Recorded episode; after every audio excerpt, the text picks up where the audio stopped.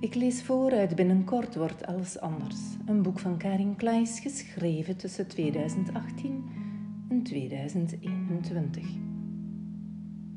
Op de achterflap staat: In wezen is Karin Kleis ambitieus. Ze droomt er onder meer van een kunstenares van betekenis te worden. Maar een hersenaandoening legt over al haar plannen een schaduw.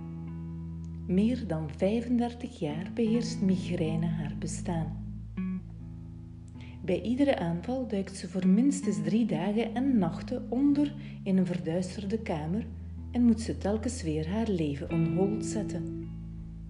In een optelsom rekent ze uit dat ze al meer dan zes jaar in bed heeft liggen afwachten.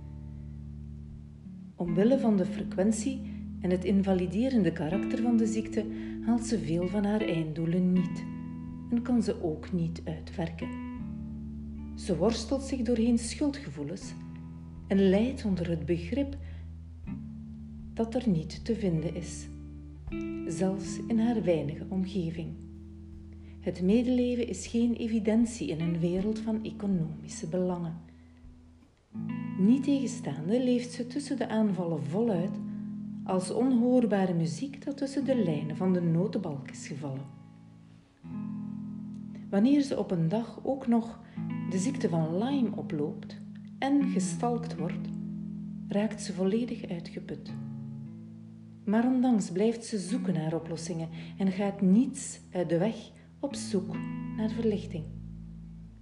Alle vormen van medicatie en alle charlatans test ze uit, maar niets werkt.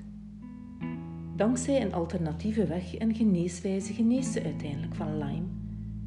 En na jaren van lijden, vooral door de hevige pijn van migraine, komt er een medicijn op de markt waarvan ze gelooft dat het haar leven zal veranderen.